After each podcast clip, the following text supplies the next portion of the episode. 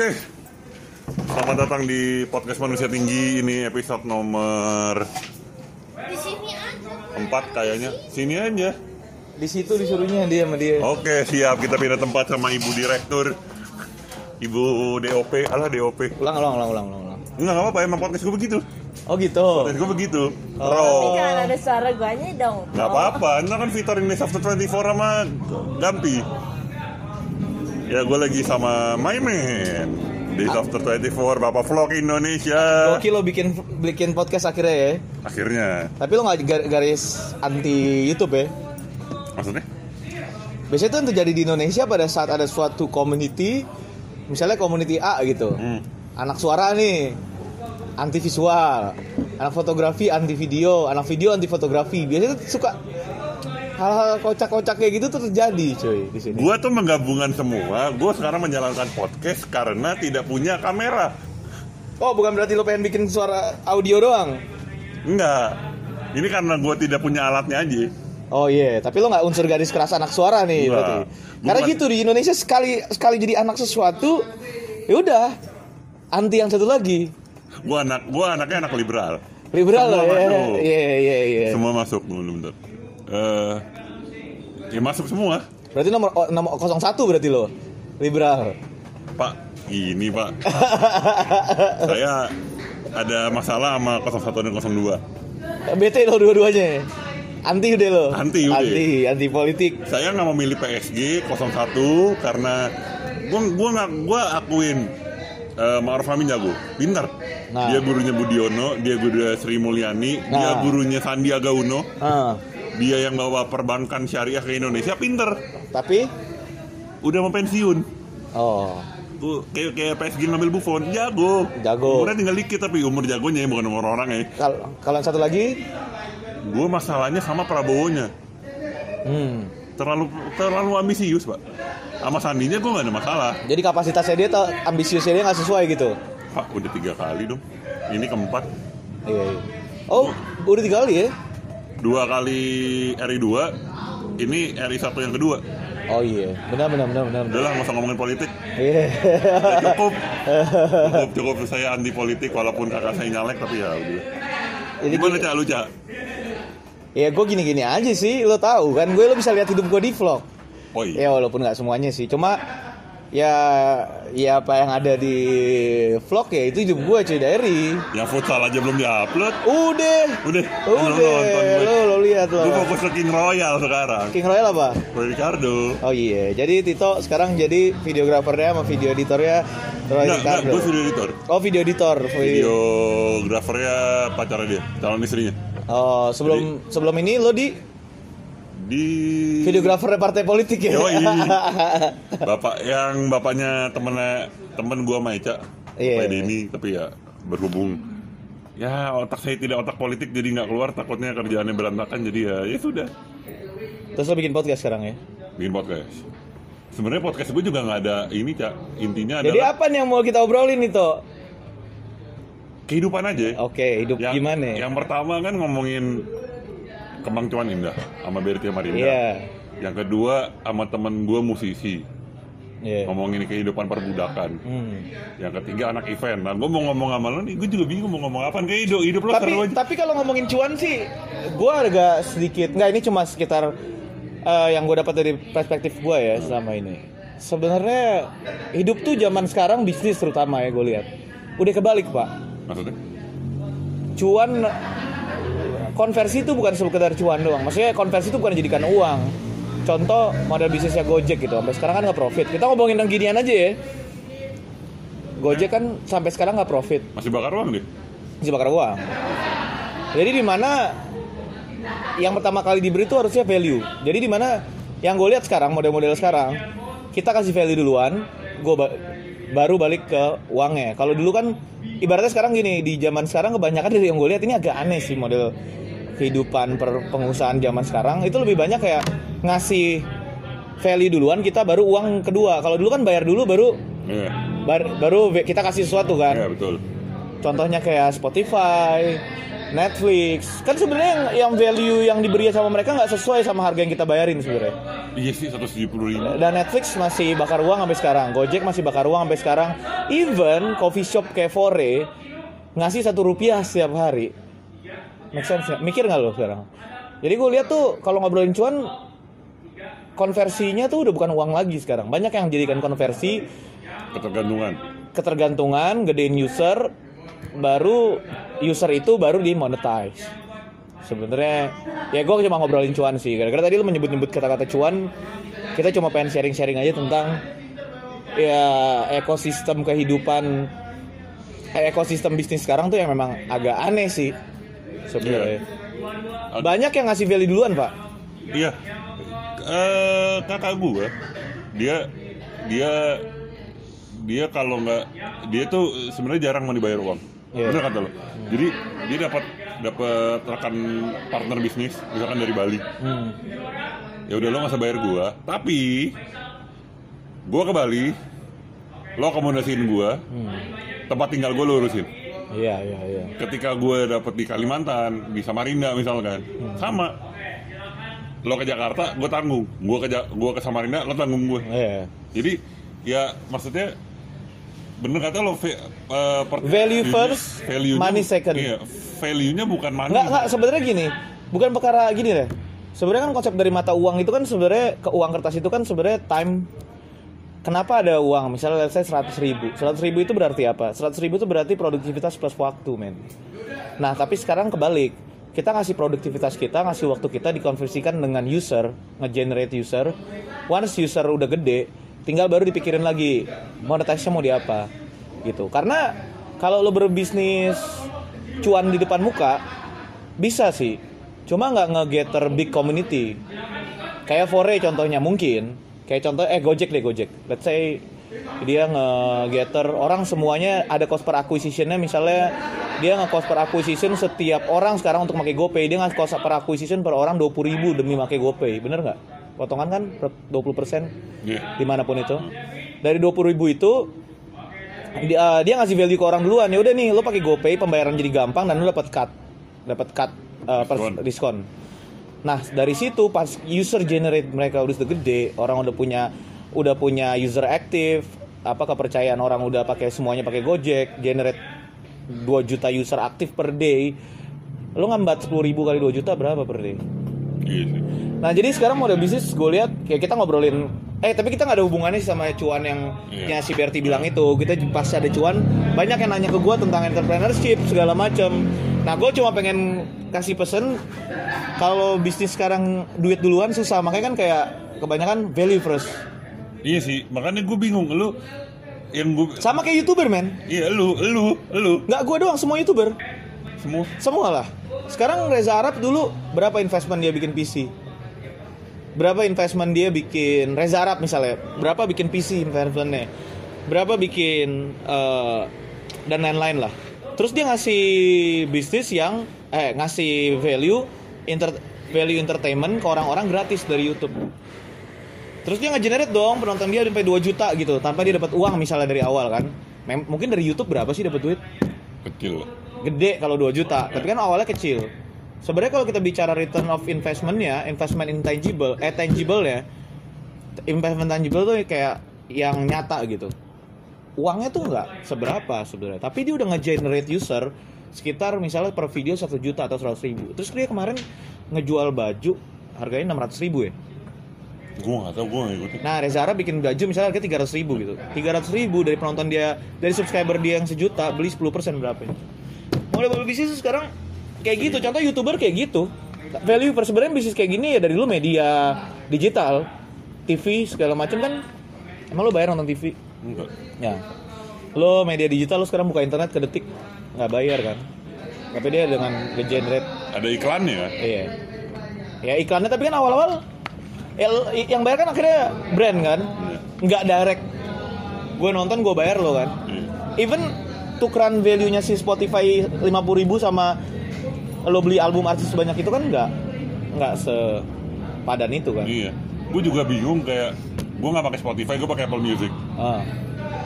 Gue pakai akun family 70 ribu 6 tetap. berarti se satu account berapa tuh? 15 ribu. 15 ribu makanya gue Dengan dengan lo bisa nyari semua album, semua lagu yang masuk iTunes, bisa lo akses. Hmm.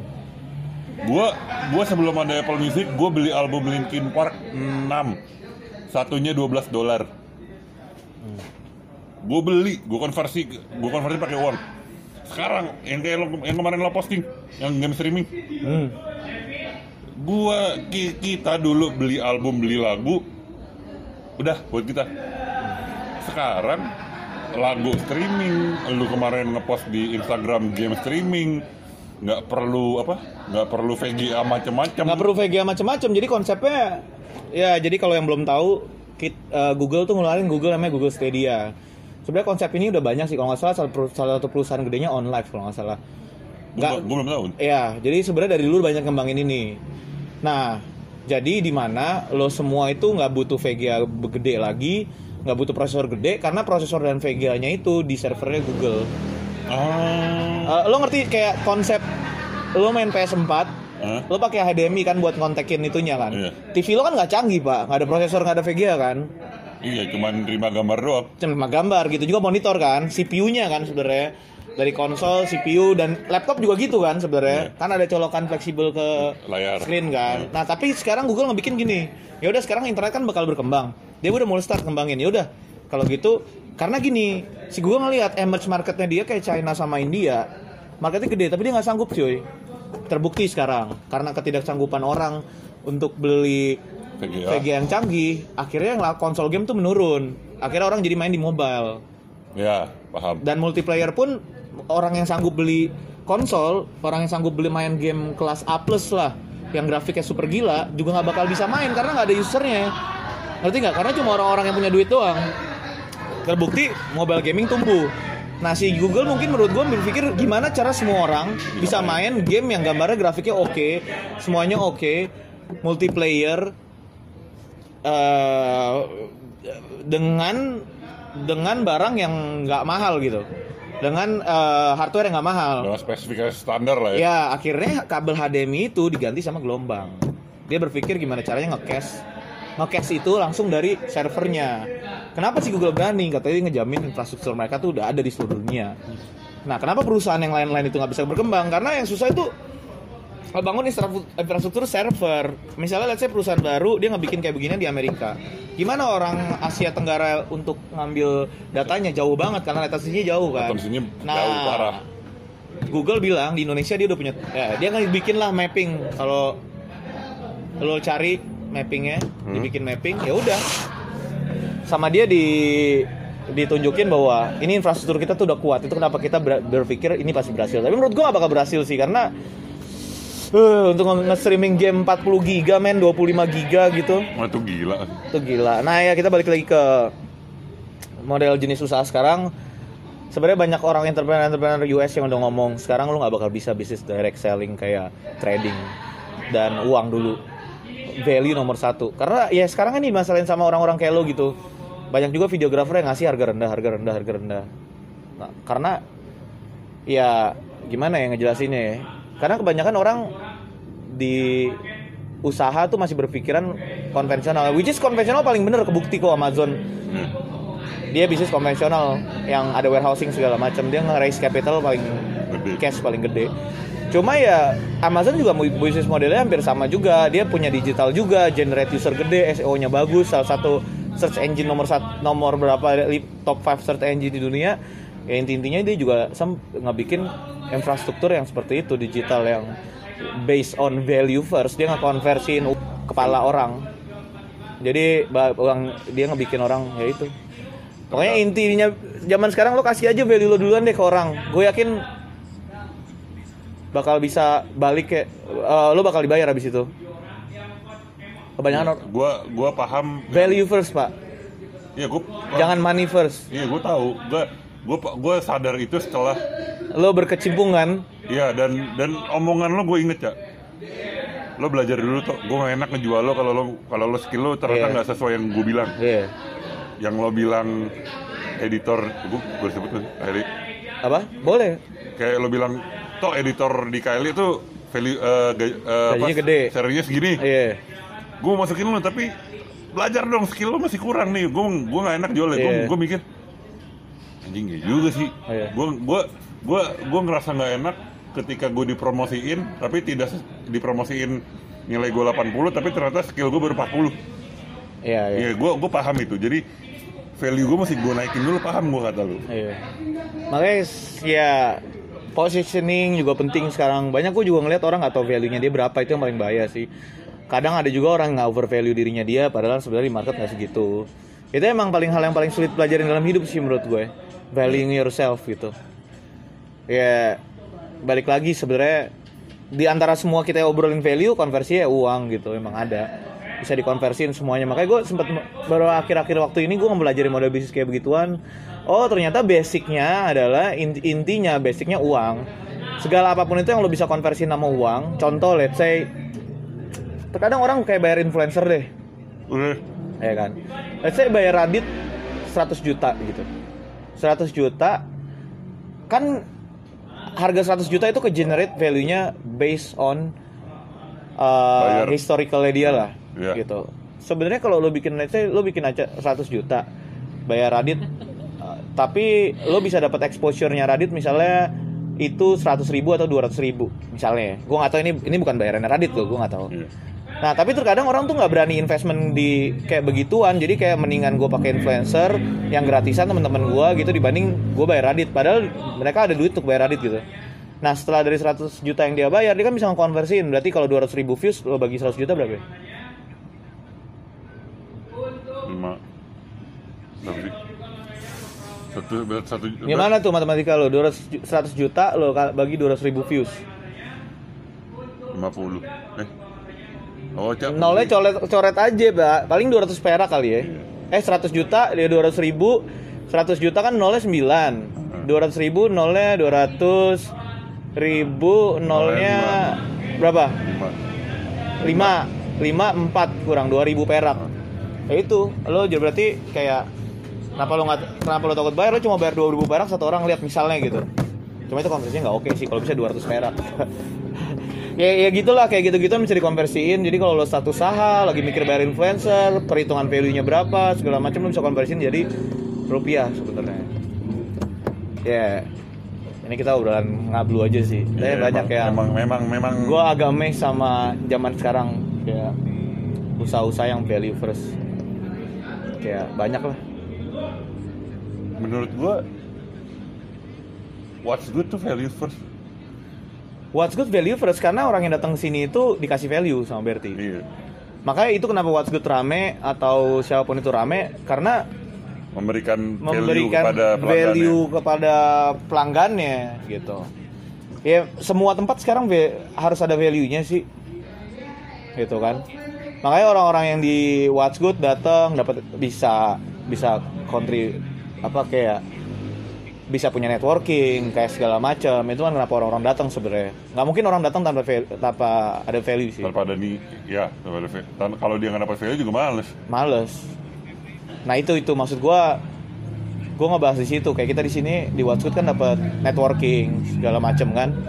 Nah itu sebenarnya value juga. Gua sama Roy pun gara-gara si Ruby. Ruby mana? Ruby geng. Gue ngobrol sama Tio, sama sama Fadil, sama Ruby. Ah. Ngobrol-ngobrol-ngobrol, gue butuh job. Si Ruby bilang, Tok, si Roy butuh nih. Iya. Dia ngubungin. "Tok, Tok, nih hubungin si Roy gini-gini. Udah dapet. Nah, kalau tempat bercakap gimana nih? Lagi bikin podcast, Pak. podcast Ayo, Bapak tempat bercakap kita dapat tamu baru ini. Ada apa? Diva Felicio. Ada apa ini? lagi ngomongin value value dalam apa tadi? Bisnis. Ya sama sekali kayak tempat bercakap mana ada cuannya cuy. Dia cerita sama kita eh, sama gua. Nggak ada cuannya. Tapi dia ngasih value duluan ke orang. Pengajaran pelajaran pelajaran tentang sosiologi edukasi. lo bayangin bisnis nggak ada cuannya. Temen gue banyak yang yang repost tempat bercakap. Tapi suatu saat dia bisa monetar itu pasti. Iya nggak mungkin dong dia kerja tanpa ada uh, uang. Sebulan dua bulan lagi lah. ya nggak ada nggak nggak ada salahnya pak. Orang yang udah ngasih value ke lo terus habis itu yang monetize sesuatu gitu. Let's say misalnya jual merchandise buat support mereka gitu. Ya nggak? Kan nggak salah. Enggak kan dari merchandise itu ada value. Pasti ngasih merchandise nya misalnya dia bikin di dalam merchandise itu ada statement dari buat diri lo gitu. Siapa yang mau pakai merchandise ini, contoh bacaan bacaan apalah, misalnya hidup itu indah gitu. Nah itu kan di merchandise TB kayak gitu. CB apa? Tempat bercakap kan? Misalnya hidup teori, teori, teori. teori-teori yang bisa nge-state diri lo di situ kalau orang-orang yang suka berfashion, fashion dengan nge-state Nah, dirinya dia apa? Kalau lu mau tau lagi Cah sebenarnya kenapa di uh, uh, merch itu ada teori-teori itu yang gua sama Don lakuin setiap gua keliling-keliling setiap gua menjelaskan orang kita tinggal balik badan pakai baju itu jadi papan tulis kita Nah, tuh. Inilah value yang diberikan ke orang itu kenapa dia beli Buat bercakap. uh, bercakap. Ya gitu sih Pak, sebenarnya kayak itu gue coba pengen ngisi podcast aja sih biar ada obrolan tadi Podcast gua manusia tinggi. podcast dia Iya. oh ini lagi podcast podcast podcast boleh Dari tadi lu baru nyadar, Bif. sudah sadar Jadi di sini orangnya nambah ada Gampi, ada. Biva. Gampi orang tuanya caranya gimana? Eh salah itu itu Gempi ya. Itu gempi. Eh Pak gimana Pak kehidupan tempat bercakap Pak? aman lancar ya masih berkutik dengan idealis-idealis kita Belum belum dijual ke industri ya? Belum. Jadi tawaran sih udah banyak ya, cuman namanya kita idealis kan takut merusak unsur value yang kita jual. Banyak yang udah nawar. Value-nya apa sih? Sebenarnya gini loh, basic tempat bercakap itu ada uh, konten yang akun yang untuk mengedukasi. Karena basicnya uh, Don foundernya itu kan dia pengen cita-citanya pengen jadi dosen.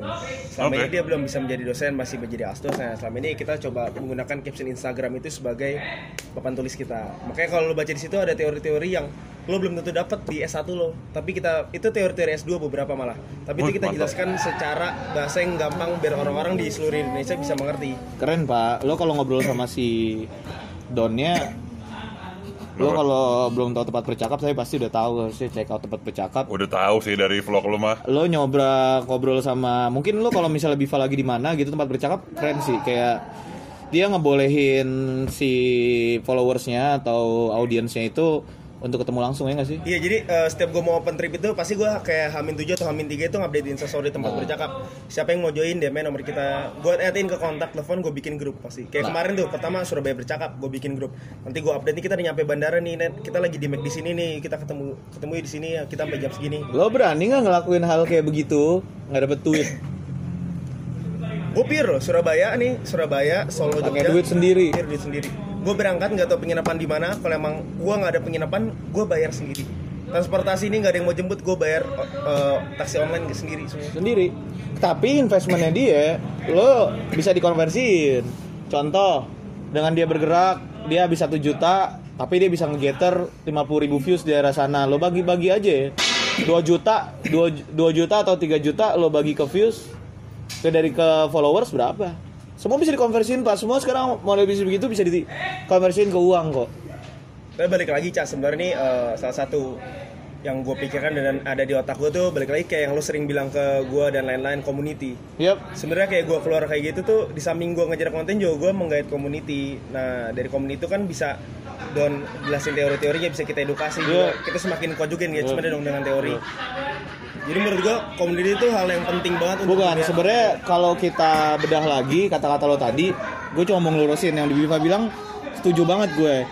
Tapi sebenarnya kenapa lo bisa ada community? Sebenarnya karena lo ngasih value ke dia. Oh jadi uh, ada feedbacknya. Ada feedback balik ya. Dengan dengan orang yang datang tuh nggak bakal sia-sia ketemu Don sama Biva karena Biva juga salah satu videografer yang oke banget. Orang bisa belajar video. Terus si Don juga ya orang akade- orang akademis yang memang suka banget sama sosiologi. Sosiologi kan dia cerita sama gue sosiologi. Eh tapi itu basicnya gue gak ngerti ya, gue bukannya. Dari situ orang yang mau datang karena dapat value, tapi berani nggak sebagai Tito sang manusia tinggi? Dia berani sih sekarang bikin podcast kan. Keren. Modalnya HP. Ya? HP. Kalau dia modalnya apa? Gue bikin kame bikin bikin vlog misalnya modalnya udah eh, Kamera. kamera segala macem Kamera pertama lo apa sih? Kamera pertama gua Yang waktu itu gue vlog lo pertama tuh nonton bola, inget? L kamera pertama gua kamera pertama buat vlog nih. Iya. Kamera pertama gua buat vlog LX100 Panasonic. gue dari dulu tuh Panasonic user men. Kalau ada orang Panasonic dengerin gue, men gue udah pakai LX100 dari dulu. Kalau Panasonic kedengerin bentar lagi Eca pindah brand nih. Tadi habis diskus sama, diskus sama gue. Kalau Panasonic gak kurang ajar Kasih, kita Kak. pindah ke Canon. Ya, yang EOS tadi- R. Yang satu lagi cak bagaimana saya yang, yang Sony. lebih murah? Iya. Iya. Itu dia. Jadi itu lo terus-terusan kan Terus-terusan. dari RX 100 eh, apa sih? Dari LX 100, L LX. Dulu tuh kamera Panasonic pocketnya paling oke. Tapi nggak ada flip screen ya. Abis itu gue pindah ke Canon S110. tau gue Iya kan? Oh. Canon S110 tuh dulu paling hype di vlog. Kalau lo tau Casey Neistat, dulu vlog Casey Neistat tuh Itu juga. terkenal yang ngefix Canon S110. Dari situ gue pindah ke gara-gara industri vlog berbeda pada pakai SLR segala macam, gue pindah ke 70D. 70 deh 70D. set gede gila tuh kamera Iya, 70D, abis itu A6300 masih ada tuh ya masih ada. gue pakai sempet Iya. favorit gue tuh Terus gua oh belum A5100 dulu. ada lo Ada Flip, ya flip ya? flip screen. Ya flip yang 5200 A- A5100 ya udah An- A- A6300 G5 baru. Ya ya gue juga nggak tahu sih gue nggak pernah berpikir investment di vlog karena sama vlog tuh gue kayak ya, gue bikin gitu aja sih kayak nothing tulus aja lah gue nggak tahu. Gak tau apa. Bakal ada yang nonton atau enggak karena emang gue pengen bikin vlog buat diary. Anjir Anjing, motornya gue kayak gue pengen bikin vlog emang khusus buat diary gue aja sih karena gue dulu ngeliat tuh uh, sumbangan perspektif ke dunia Orang. gitu. Ke orang. Itu berguna banget sih karena masih ada orang yang posisinya belum tentu. Mungkin orang yang posisinya menurut dia hidup ya gue udah sering hidup kayak gitu ya biasa lah tapi kan ada juga orang lain gitu yang mungkin butuh support gitu. Nah gue dulu sempet ke dapat dapat support gitu sih dari kayak namanya Siti FXC ada salah satu vlogger di luar gitu yang bikin video hidup setiap hari gue kayak dapat sumbangan perspektif aja gitu. Ya gue pengen bikin buat ngasih perspektif kehidupan anak muda setelah lulus kuliah aja gitu sih. Bapak ada after 24 karena hidup setelah umur 24 pak. Betul, start vlog tuh setelah after 24 ya? Iya, karena pas gue ulang tahun, ah udah gue nggak tahu hidup gue kayak gimana ke depannya. Gue coba pengen bikin diary ya gitu. Pure tuh? Pure, lu lu lihat, gue emang pernah bingung bikin konten apa?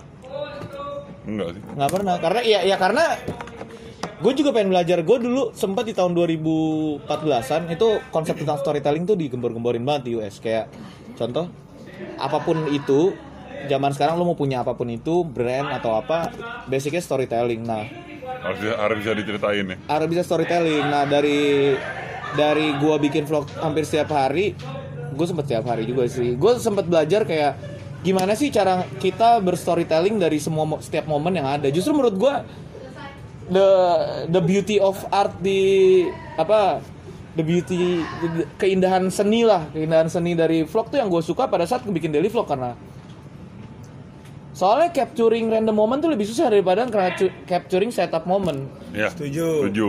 Cuma make konsep konsep susah. Gue nggak ngeremehin orang yang bikin video pendek dan lain-lain. Tapi capturing lo ngeceritain suatu hal yang random dan lo harus bisa nge-capture terus ngeceritain why-nya apa cerita-cerita kenapanya dan lain-lain premisnya. Iya. Itu susah menurut gua dan itu challenging banget setiap gua bangun tidur. Dan gua ngebikin gimana caranya otak gua tetap bekerja terus jadi nggak orang yang kayak ngeblank gitu. Ya itu sih yang gua kenapa gue bikin vlog. Gue mau belajar public speaking gue mau belajar storytelling gue bis dan gue gak nyangka sampai sekarang bisa jadi buat ketemu lo ketemu Viva ketemu Berti ketemu siapa aja itu ya cuma gara-gara vlog. Tapi gue setuju sih Cak, sama konsep lo dari perspektif itu. Karena awal gue mulai, gue kan basicnya demennya traveling kan. Gue bikin Iya. video tentang traveling.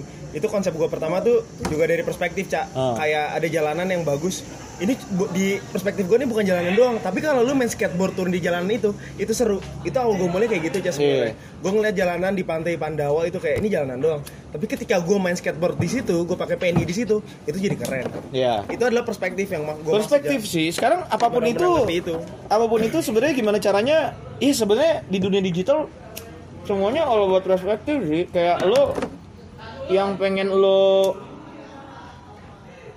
sebenarnya yang pengen lo kasih sumbangin ke digital itu sebenarnya perspektif sebenarnya even film Hollywood itu Yes. perspektif gitu Yes. cuma beda aja metodenya sih sebenarnya makanya gue suka suka pusing aja ngeliat orang-orang yang ngebandingin karya seni itu dari dari susahnya dibikin gitu. Kan banyak Hmm. orang yang bandingin karya seni, wah bikin vlog gampang dan lain-lain.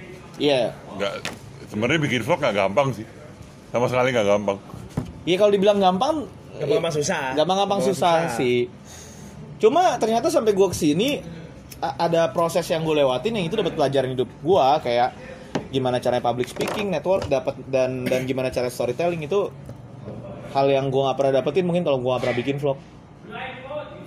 Iya, gue ketemu lo juga karena per dunia konten-konten anjak. Ya. gue ketemu dia juga gara-gara konten kalau dia nggak bahas GoPro 5 nggak bakal gue cari ketemu channel lo Sebenarnya vlog eh, yang susahnya tuh penempatan bukan situ nih. Kadang kan kita misalkan momen bagus tapi kita lupa nih. Nah. Direkam terus tiba-tiba kita ngerekamnya Sebenarnya eh, banyak cara jelek. sih. Sebenarnya di vlog tuh banyak cara banget kayak lo bisa bikin konsep vlog lo tuh storytelling. Berarti sering bikin kayak gitu. Pada saat momennya lo nggak bisa ceritain dengan baik, lo bisa bikin konsepnya storytelling. Lo bisa juga bikin kayak random moments kayak David Dobrik. Banyak sih sebenarnya tergantung gimana caranya. Bahkan nggak salah juga sih pada saat ada kejadian yang seru gitu misalnya. Yes. Lo ulang aja lagi. Itu kan sebenarnya nggak salah. Tapi kejadiannya beneran misalnya. Oh ya, kita sering bikin gitu kan, Bib? Gue gue juga bikin Dulu. gitu, termasuk Iya. di yang tempat bercakap kan. Ah, lo cek juga tempat bercakap Gitu, juga gitu gokil kayak, sih. iya. Ceritain, Bib. gue storytelling itu kayak perjalanan gue dari Surabaya terus gue naik motor ke Kediri sama anak-anak explore Surabaya di sana. Itu gue nggak tahu siapa bener random tiba nge DM tempat bercakap. Kita bikin grup Surabaya bercakap gue dijemput dari bandara gue diajak ke Kediri. Itu seru banget. Tapi karena basicnya gue sama Don eh, bukan yang tipe di depan kamera banget gue nggak bisa vlogging kayak Eca kayak eh, kita- gue lagi begini-gini sekarang kehidupan gue gini gue nggak bisa kayak gitu. Makanya gue pakai eh, voice over.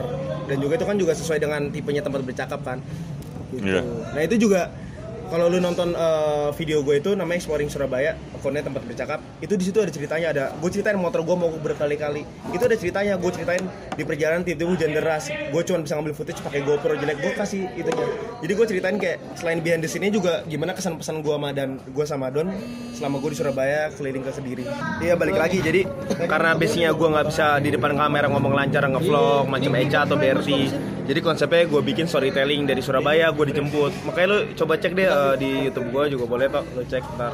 Konsepnya benar kayak beberapa ada yang langsung gue ngomong sekarang gue lagi di sini, tapi mo- mostly itu kebanyakan pakai eh, voice note gue masukin. Konsepnya lebih ke storytelling banget.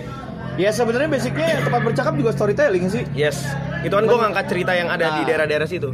Jadi balik lagi ke vlog, ke art segala macam sebenarnya suatu karya seni itu platform di mana tempat lo bersuara gitu. Ah, terserah through music, through video, Terus podcast through podcast ini sama salah salah satu salah satu media juga media platform lah buat lo menyuarakan gitu. Perbedaannya kalau zaman dulu orang kan sebenarnya perbedaan zaman sekarang gini.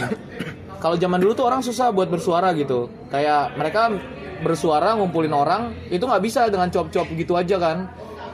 Adalah koran, adalah apa. Cuma kan sekarang media bersuara adalah bikin musik gitu kayak oh, band-band punk zaman dulu band-band metal atau apa kan sebenarnya musiknya dia isinya suara dia. Dia mau menyuarakan apa ke orang banyak gitu Melalui caranya dia.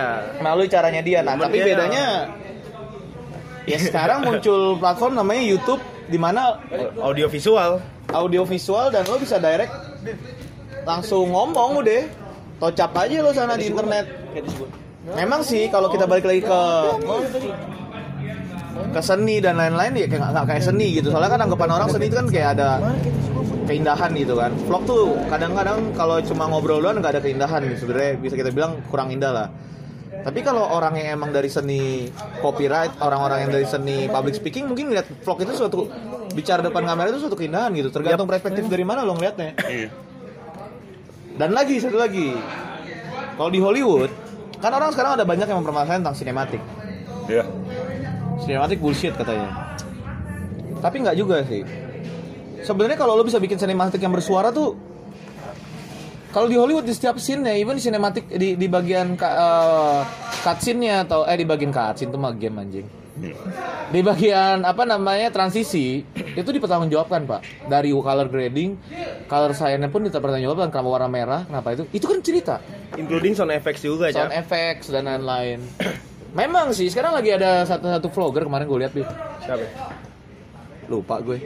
US. Dia lokal lokal. Oh, lokal. Dia mempermasalahkan masalah banyak banget sekarang orang mengat- anggap kata slow mo, terus Still and Orange. Till and Orange 16 by 9 itu tuh apa apa namanya anamorphic Yap, anamorphic. anamorphic udah dianggap langsung sinematik sebenarnya tergantung orangnya sih tergantung si orangnya kalau dia berpikir kayak bikin-bikin suatu hal seperti itu tanpa ada artinya gitu tanpa ada apa namanya eh tanggung jawab kayak gitu ya ya nggak ada ceritanya gitu. Tapi sinematik bisa bercerita juga. Even lagu instrumental juga bisa bercerita sih. Tergantung semuanya. Udah, udah lagu instrumental tuh udah banyak udah banyak kasusnya bercerita sih. Udah banyak. Di apa PP Ya cuma tergantung perspektif siapa. Ya. Kalau orang yang non, bukan orang musisi dan gue belum nggak biasa dengerin instrumental dibilang bullshit atai gue lebih suka dengerin yang ada makanya gue bilang ini semuanya tergantung perspektif itu gue kenapa suka sama perspektif Setuju. sudut pandang coy perspektif gua ngomong sama dua orang ahli perspektif. Iya, benar perspektif. Coba Tok, lu asalnya dari mana, Tok? Jakarta Oh, lu Jakarta gua, ya? gua lahir Jakarta gede Jakarta Oh, gede di Jakarta. Lu, Cak? Jakarta gue Jakarta Bekasi sih. lu. gue.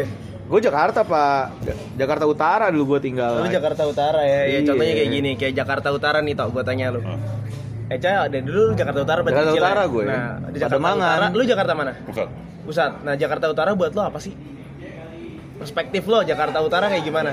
Dufan Ancol sih Ancol pantai Lebih oh ke- berarti ke- dia fun dia gitu nah, dia perspektif dia fun, beda dengan perspektif Eca. Tanjung Priuk gimana? Tanjung Priuk Pademangan Tapi itu lebih kayak home lu kan, lu merasa itu home Iya. lu atau kecil kan? Nah Iya. itu maksud gue perspektif tuh di situ kayak buat lo Jakarta Utara, buat gue pun itu juga sama kayak lo, itu tempat kayak gue mau ke Dufan atau tempat eh, pinggir pantai dan pinggir laut gitu. Tapi buat Eca Jakarta Utara tuh tempat tinggalnya dia zaman dulu. Nah itu salah satu yang gue angkat di tempat bercakap juga. Itu namanya eh, apa? Namanya? Primordialisme Ingat, ingat, primordialisme. Iya primordialisme Rasa kebanggaan yang kita bawa dari kecil. Nah. Jadi meaning tempat antara satu orang dan orang lain pun beda. beda makanya sekarang kayak gini kayak buat kayak buat nih kayak buat kita deh sebut deh let's say Kemang tempat apa sih kita ngumpul kan mungkin buat orang bagian lain Kemang tempat apa kelabing beda cuy sama kita perspektifnya kan kayak gitu kasarnya Nah itu yang gue bilang sudut pandang sebenarnya sebenarnya mencah-mencahin orang tuh tergantung Hmm. sudut pandangnya. Sebagai manusia kita harus bisa memposisikan orang gitu. Misalnya lo be- bete sama orang, gue coba gue belum jadi orang yang sewise itu sih, tapi gue coba memahami sudut pandang dia gitu. Kenapa dia begitu, kenapa dia. Sebenarnya sudut pandang tuh udah faktor banget sih. Iya, gua gua pun bikin podcast gara-gara podcast sudut pandang.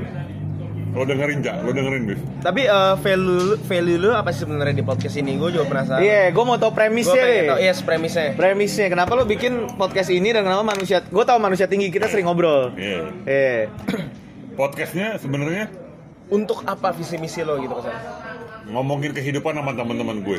Sama perspektif juga, cuman gue versi audio. Yes. Jadi nanti gue masukin Spotify, gue masukin YouTube, biar orang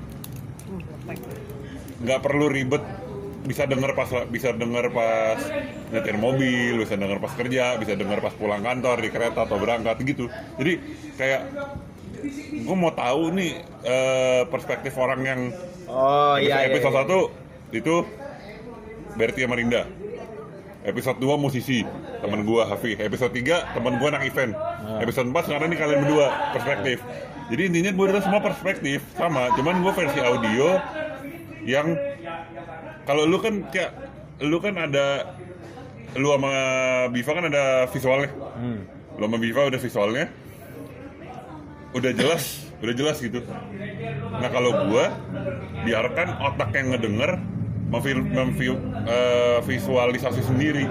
Jadi kayak oh iya juga sih kalau Eca begini gua begini, kalau Biva begini gue begini gitu. Oh jadi sebenarnya kalau yang gue tangkap eh, di podcast lu ini mungkin eh, market utamanya adalah orang yang bertanya-tanya tentang perspektif hidup orang lain. Which is orang yang kayak bingung nih, aduh gue kira-kira kerja kantor apa jadi eh, anak milenial kali gini eh, apa konten creator kali ya. Yes. Jadi dia bisa tahu oh kalau kehidupan perspektif kehidupan dari orang eh, kerja apa kerja kantor seperti ini dan konten creator seperti ini lebih kayak gitu gua toh. mau gue keluarin Iya, iya, iya, gitu. iya, iya. Iya iya. Tito kabur karena kabur. tasnya ketinggalan. Saya ketinggalan udah mau dikunci. Iya. Ya kita lagi di Watchgood Pejaten sekarang. Dan ya, iya sih gue setuju sebenarnya ya balikin lagi ngomongin perspektif ya itulah sebenarnya yang ngancurin eh, kemanusiaan itu terpecah-pecah tuh karena kita Perbedaan nggak bi- perspektif. Iya, karena kita tidak bisa memahami perspektif orang lain. Gitu. Cuma ya kalau lo bisa memahami perspektif orang lain dunia damai sih. Tapi nggak bakal ada kedamaian juga sih pasti. Terkadang walaupun kita tahu sudut pandang dia, iya memang tetap di attack kadang-kadang kan. Ada egois segala macam. Itu seru sih ngebahas tentang manusia. Seru itu. Nah, ada namanya ego, super ego sama it. Apa tuh? Jadi ada namanya alam bawah sadar sama alam eh, apa? Alam bawah sadar sama alam sadar. Iya. Jadi lu coba aja cari teorinya deh super ego, ego sama it. Lu akan belajar apa sih yang ego lu tuh kayak gimana, super ego lu maunya gimana, sedangkan it lo tuh butuhnya apa. Itu. Itu ntar lu coba It aja teorinya. Lupa, gue lupa. Apa? Tapi itu seru ya, lu pelajarin teori itu deh. Jadi lu tahu kira-kira kenapa sih lu kayak gini, kenapa sih kayak gini. Itu itu ada hubungannya kayak lu butuh makan, itu lu didukung sama kebutuhan apa. Pasti, pasti, pasti. Iya. Iya, Bagi, lo bagi. Iya. Kem- Kemarin ada satu satu ada salah satu gue nonton Casey Neistat sih. Ini keren dibahas. Yang mana? Yang tentang dia nemuin ternyata konsep happiness. Oke. Ini seru sih. Ini ini sudut pandang yang oke juga kayak gini loh. Kebutuhan manusia tuh ada dua. Ya kan? Uh, dibagi dua gitu. Satu kebutuhan primer tuh yang kayak sandang pangan papan. Sandang, pangan, papan. Ya kan? Suduhan kebutuhan kedua Sekunder. sekun nggak sekunder sih. Sekunder kan beda, tapi pokoknya love, happiness, fulfillment. Cinta, kebahagiaan dan kayak isi lah. Iya. Kayak kebanggaan gitu ya. Fulfillment gua lupa sih artinya. Cuma di sini yang seru dibahas gini. Kalau gimana ceritanya lo bisa dapet love fulfillment kalau sandang pangan aja nggak kebutuhin. Jadi balik lagi, pertama kali itu duit. Tapi di sini ada juga ada ada yang nggak setuju juga karena dia ngangkat dari suatu artikel dari salah satu orang yang kerja di World Bank di aduh yang saham-saham gitulah gue lupa antara World Bank atau yang saham-saham di New Wall York Street. Wall Street kerja di Wall Street yang pendapatannya itu satu miliar sebulan Oke. dia nggak happy cuy dia masih bilang dia nggak happy dan lain-lain. Tapi balik lagi Casey bilang Kak, bener juga tapi kalau lo punya duit doang lo belum tentu bisa lo bisa sandang makan papan love fulfillment sama happiness tetap harus dicari. Tapi logika ngerti gak lo? Lo punya duit pun belum tentu lo bisa nemuin itu. Karena itu kan balik lagi dari perjalanan lo gitu. Tapi lo kalau lo nggak punya duit untuk lo nyari itu aja udah susah gitu Ini Cak, gue kasih lu teori Cak. teori apa Ini namanya eh, teorinya Maslow, ini hierarchy of need. Hierarki segitiga gokil kebutuhan. Gokil. hierarchy of need ini dibutuhin nih Ini beneran, ini hierarchy of need. Jadi ini paling bawah adalah psychological needs, safety needs, love and belonging, Kayaknya esteem sama Iya. self actualization. Jadi seperti segitiga kita mulai dari paling bawah cak psychological. Psychological itu itu. Jadi semua manusia kebutuhan dasarnya adalah ini air, makanan, tidur. oh ini Nah, udah ada nih lebih jelas nih Ya kan, bener kan? Iya. Teorinya Di sini. Dari situ ketika lo sudah bisa memenuhi itu, lo akan butuh security, lo butuh ketenangan, lo tidur di tempat yang tenang, lo bisa tidur nggak di nggak di pinggir jalan, lo tidur oh tenang. ini udah ada aman. teorinya ya gitu. iya. Itu, abis lo udah bisa hidup, lo bisa tenang hidupnya, punya makanan dan lain-lain, lo butuh cinta. Ya kan, lo butuh kedekatan, lo butuh keluarga, baru itu kebutuhan lo. Abis lo udah tenang, lo bisa ngidupin diri sendiri, lo tinggal di mana, lo butuh eh, cinta pasangan lo. Dari situ lo baru butuh anak diri lo butuh self self esteem. Itu adalah rasa respect orang Iya, lain iya. ke lo, lo dihargain sama orang lain. Kalau nggak salah ada youtuber yang bikin eh, yang kamu bilang bikin tato itu yang, eh, yang kamu Ini kira-kira of needs. Ini ini dasar banget semua manusia pasti butuh ini. Nah, tapi setelah empat itu terpenuhi, manusia nggak akan pernah puas. Manusia butuh self actualization, which is lo misalkan lo udah udah, udah tenang nih hidup lo, lo pasti akan merasa puas. Ah, gue sini mau ngapain ya? Gue bisa lebih dari ini, ya kan? Lo lo udah udah cukup ini, lo ikut les masak, lo les bikin kopi, ngerti nggak? Jadi maksud itu ini terakhir lo untuk untuk mau lu mau jadi apa lagi sih lu bisa lebih dari itu. Makanya dijelasin kan pasti manusia dari paling pertama ini lo nggak bakal bisa ikut les kopi les masak. Kalau lu untuk nyari makan dan nyari minum aja nggak bisa. Lo buat tidur aja nggak bisa. Lo nggak akan kepikiran untuk punya pacar. Kalau lu buat makan diri sendiri aja belum bisa. Ya. Iya, tapi makanya Itu sebenarnya sebenarnya kan? gue nggak tahu ya tentang tentang kayak beginian gue setuju sama yang hal ini sih. Kayak segitiga ini sama-sama yang Casey bilang kalau lo nggak bisa bisa makan. Tapi yang jadi perkara tuh banyak cerita orang-orang yang susah tuh bahagia. Itu. Tapi apakah dia jujur? Tapi gue nggak tahu sih. Memaksakan bahagia nggak nggak tahu gue. Gue nggak bisa ngomong sekarang posisinya. Iya, ya itu sebenarnya balik lagi dari perspektif. Lo mau bawa hidup lo bahagia aja, nggak usah terlalu banyak beban pikiran atau gimana. Tapi ya kita nggak munafik ya. Lo berusaha bahagia tapi lo nggak tahu besok mau makan apa. Lo tenang gak hidupnya cak. Nggak tenang kan? Tapi emang hidup pasti ada beban. Pasti hidup ada beban, kita iya. segimanapun kan. Jadi mau orang itu bilang bahagia gimana gue bukannya gue menyerang mereka atau gimana ya. Pasti tetap mereka nggak tenang dong. Tetap balik lagi ke kebutuhan dasar manusia. Makanya sebenarnya ini ada hubungan sama tempat juga sih, Bif. Apa Kayak tuh? contoh gini, lo tinggal di desa gitu. Sekarang tingkat kebahagiaan itu kan ada pengaruh sama sosial Iya, budaya iya, juga. Tuh, mungkin i- kalau dia compare orang kota sama orang desa nggak apple to apple, cuy. bahagian mana tapi Ah, gue nggak tau gue tinggal gue lebih bahagia tinggal di kota sih sejujurnya. Ba- tapi kalau Ya, menurut kan research bagian orang orang tinggal di desa Iya, menurut riset. Menurut research menurut research bagian orang tinggal di desa. Kenapa? Karena lo juga nggak melihat banyak hal yang aneh-aneh dan kebutuhan lo nggak macam-macam tapi nggak juga lo sih gitu. Bif. Kan gue ada temen juga kan dari salah satu kota yang emang ketat banget dia perempuan kan. Terus dia eh, dia tuh kayak gue punya ya pokoknya salah satu kota lah yang ketat banget buat perempuan kan. Terus dia bilang kayak eh, terus dia ke Jakarta kan akhirnya ngikutin abangnya. Akhirnya dia bilang gue seneng banget di sini gila. Dia bilang di Jakarta kan. Kenapa emang? Gue kan nanya dia bilang iya gue di sana tuh dipaksa gue dipaksa apa pakai kerudung. Tapi gue nggak tahu ya itu mungkin emang budaya sana atau gimana kan. Gue dipaksa pakai kerudung. Ya gue sih masalah eh, nggak kenapa-napa kalau dipaksa. Tapi kan gue nya nggak nggak ngerasa nyaman pakai itu dia bilang. Terus budaya nggak boleh keluar malam gitu-gitu. Ya, Ya kan gue bilang tergantung tempat sebenarnya. Ya, Memang ya gue gue kalau tinggal di desa sih gue nyaman-nyaman aja. Cuma kenapa gue bisa bilang sekarang gue nggak suka tinggal di desa ya karena gue udah biasa tinggal di kota pak. Yes, balik lagi Dengan teknologi segala macam anjir cuy. Gue jujur aja sih gue nggak mau bullshit sih gue butuh internet cuy. Ya Gua balik lagi bullshit sih. ya, sebenarnya yang gue bilang tadi kan cuma research kan Iya. itu kan eh, Ya apa, mungkin tapi kalau lo ngeriset nanya sama orang desa gue yakin enakan tinggal di desa sih. yes research Nothing feels like home pak. Nothing nothing best apa apa ya? Eh, asik ya? eh, tet. Kurang asik nih bahasanya. Feels like home itu udah Itu feels like home.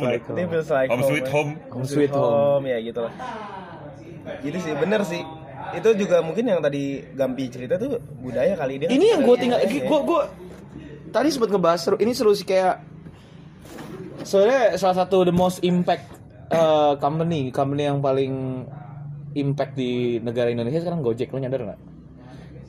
Itu bukan impact ke mana lagi itu udah kok impact ke sosial dan budaya kita. sosial. gue pernah nggak sejahteraan sosial tapi how we live Iya. kita pesan makan gue pernah cuy sekali tinggal di Singapura woi ya ya ya ya ya ya ikut deal ikut deal ini deal Ikut deh lah kita kedatangan editornya Raditya Dika. Adi, besok dia mau ke Paris. Eh tunggu tunggu, tapi ini lebih seru. Ini seru. Men, gue tinggal di Singapura, sahabat hidup gue. Pas gue pengen beli makan, gue harus turun ke bawah, keluar. Gue kebiasaan nih pesen Gojek pak. Beli apa Gojek? Aku aja gue beli pakai Gojek sekarang kan. Ah, serius lu? Ya misalnya, ya sekarang lu jam 12 malam jam 1 malam. Lo gue pikir sekarang logika aja, lo beli Aqua misalnya di Family Mart gitu. Kan sekarang Gojek gak bisa GoFood, eh gak bisa GoMart. Terus lo di Family Mart dengan lo bayar cuma 4000 sekarang lo keluar aja bayar par- kos parkir sekarang berapa sih? 2000 Dua ribu lah motor. 2000. Terus kalau lo beli Aquanya, beli Aqua, beli yang lain-lain, Iya paham gua. Jadi eh, dalam konteks lo ini dalam hal yang positif apa negatif nih cak? Gojek. Nah, Eh, gue udah paham arah lo ke mana maksudnya. Tapi ini menurut lo positif apa negatif? Buat lo perspektif perspektif ya. gue pribadi kalau how human supposed to be live Yap. negatif. Iya, Karena human ya. jadi males nggak struggling lagi kayak Ya. zaman dulu. Setuju. Cuma sekarang tuh sebenarnya kita bisa memaksimalkan itu dengan cara gini semakin berpikir. Jadi gini, dengan adanya orang yang melakukan suatu hal pekerjaan, meringankan kita meringankan pekerjaan kita, harusnya kita bisa mikir yang lebih suatu fokus di bidang yang lain gitu. Harusnya. Harusnya. Tapi kalau nggak di produktif produktivitas di situ nggak kita putar ke sana, itu jadi bahaya sekarang. Setuju, gue setuju. Sebenarnya balik lagi Gojek, Gojek tuh sangat membantu banget. Ya kan kayak sekarang kita jadi apa apa simple. Buat gue nih suatu hal yang membanggakan buat Indonesia. Kita nggak ketinggalan sama negara-negara lain, bener gak? Hmm. Segala macam jadi praktis. Tapi balik lagi, gimana kita menangkapnya? Jangan jangan kita dimanjain, kita jadi anak manja. Itu kan maksud lo kan? Iya. Jangan apa apa dimudahin kita jadi males gitu. Bener, setuju gue. Iya. Tapi hal yang positif buat gue. Tapi untuk fisik sih emang bu- buruk sih kayak lo kalau males terus kayak gue jadi gue gendut nih sekarang ya. Jadi kayak film Wall-E ya. Wall-E. Tapi ya kita kan nggak tahu pada saat lo punya chance buat mikirin suatu hal yang di luar yang lo harusnya nggak pikirin harusnya lo bisa nge naro Create something. create something di hal yang sesuatu itu produktivitas lo bisa lo Lo pindahin. fokus lo ke hal yang lain. Kalau Karena kata bosnya Fadil apa dia? Kata Bang Radit. Scale up.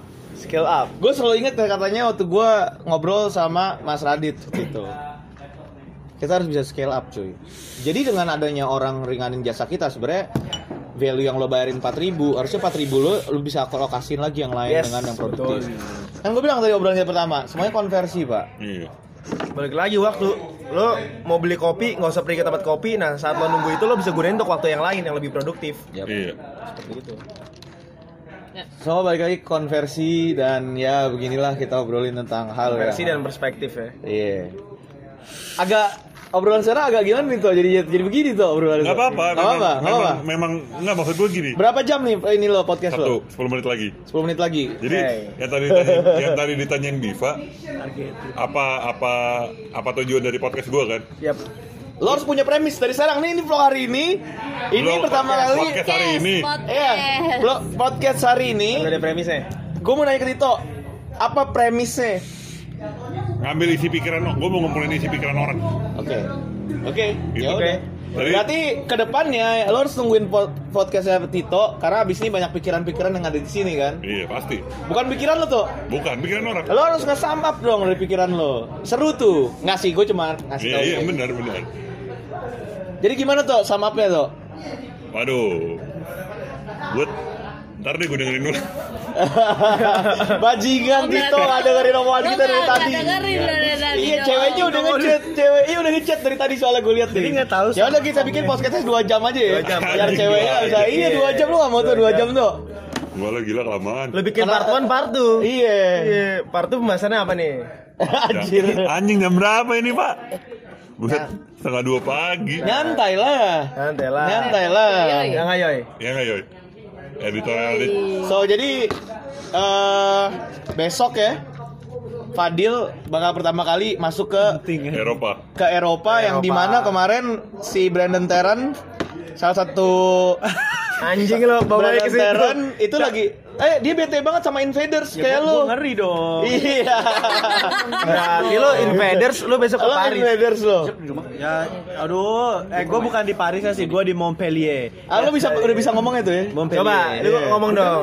Nama nama lu siapa? Bojo, mana apa? Eh. Pala Jangan palaka apa? The The the name of Fadil. No, no, no. Jemavel Oh, Fadil. Jemafe. Jemavel Jemavel Fadil. Cicit.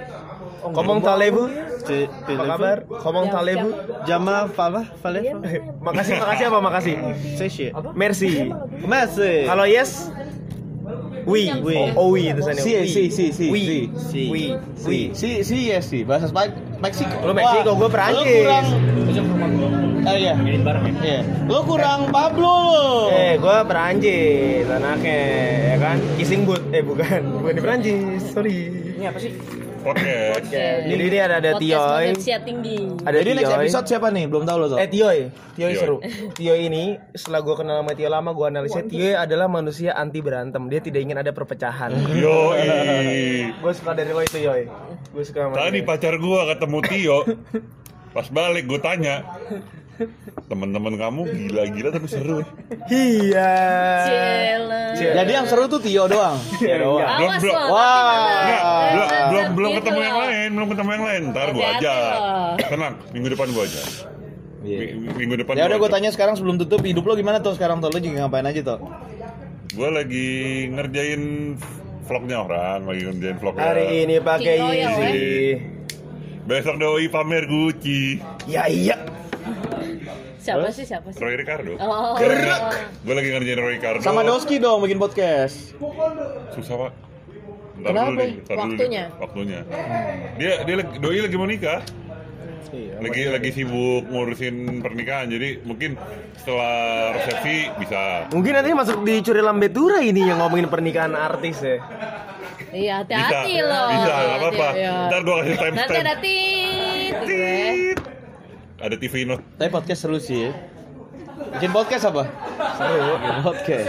Ntar tempat Tapi kalau ada market nih kurang seru. bisa ngomong. Itu the big thing, the big thing bos gue itu. Iya. Iya. Yang bikin dia.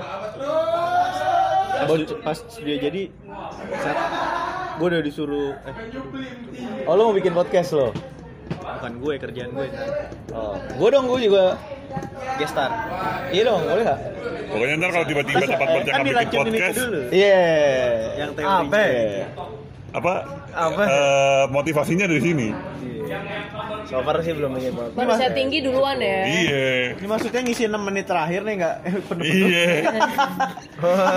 Bacain komen belum ada komen, bacain komen dong. Baca komen belum ada. Bacain komen vlog gue deh. Komen. Eh, Iya. Mana HP aku belum tuh? Tuh, Tito, gila kaki gue diinjak tuh. Kayak biar kayak podcast awal minggu ya. itu panutan tuh. Eh, gue suka banget, gue suka banget. Adri. Gue dengerin dari episode 1 sampai Sekarang gue juga. 65. Gue download di Apple Music, gue dengerin atau atau Menurut lo sekarang Netflix tuh jadi gaya hidup gak sih? Netflix. Enggak lah. Torrent jadi Mentang-mentang lagi Mentang-mentang kotornya. lagi sudah Netflix. Gue nanya soalnya sekarang tuh hampir separuh eh, dalam sehari tuh hampir jam jam hidupnya tuh habis untuk Netflix men Gue enggak. loh ini kan gue bilang Coba pilih sebagian komen, komen, pilih komen. Mana komen tuh? Bacain komen tuh. gaya hidup sih sekarang Netflix Terus Kok aneh sih sama orang nih crash no slow lifestyle maksudnya apa ya? crash no slow lifestyle Terus udah kalah guling-guling dimarahin pula sama Gampi yang penting makan Doni Mahendra. Kok dimarahin nama? Kenapa sih gua kalau gue gue bingung deh gue dikira kayak kan sebenarnya kemarin ada Rizky Febian. Gue emang nggak mau masukin bukan nggak mau masukin dia emang gue kan gue diary ya nggak ada dia. Dibilang jiwanya nggak pansos. Padahal Rizky Febian nggak sedikit pun nyodorin ke dia apalagi judul clickbait. Ya gue nggak penting juga maksudnya mak. emang di vlog Rizky Febian ada lu Rizky Febian Gue nggak perkara harus ada ada gue di vlog Rizky Febian sih. tapi Tapi itu kenapa dia bisa Enggak, komen maksudnya ada karena gue ngomong. Gue main kan di vlog lu nggak ada nggak ada. nggak ada nggak ada Rizky Febian Ada tapi gue ngomong di situ ada Rizky Febian lagi bikin vlog. Ya tapi gue ngapain nyodor nyodorin kamera ke Rizky Febian gitu? Iya. Kayak maksud gue ya kalau memang gue lagi pengen bikin video sama dia ya gue masukin dia. Maksudnya ya kayak tadi gue omongin kalau lo kan nanya ini kan diary gitu. Ya tapi orang malah responnya kayak gue nggak pansos gitu. Jangan bahas pansos panjang, Cak. Bisa satu episode lagi nih, Cak. Oh iya. Maaf ya, dibajak ya. Nih, nih, ini Pansos- tinggal, ini tinggal kurang dari 3 menit lagi nih.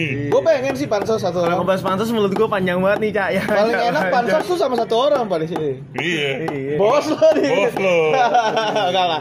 Tapi kalau tapi Tapi iya, kan, gue ngobrol sama Mas Radit terus ya. Tapi kan kita pansos in a good way, kita mutual. Iya. Ya kan, mutual sama-sama punya kepentingan. Sebenarnya nggak ada Jangan Anda merugikan, hanya panjat-panjat saja.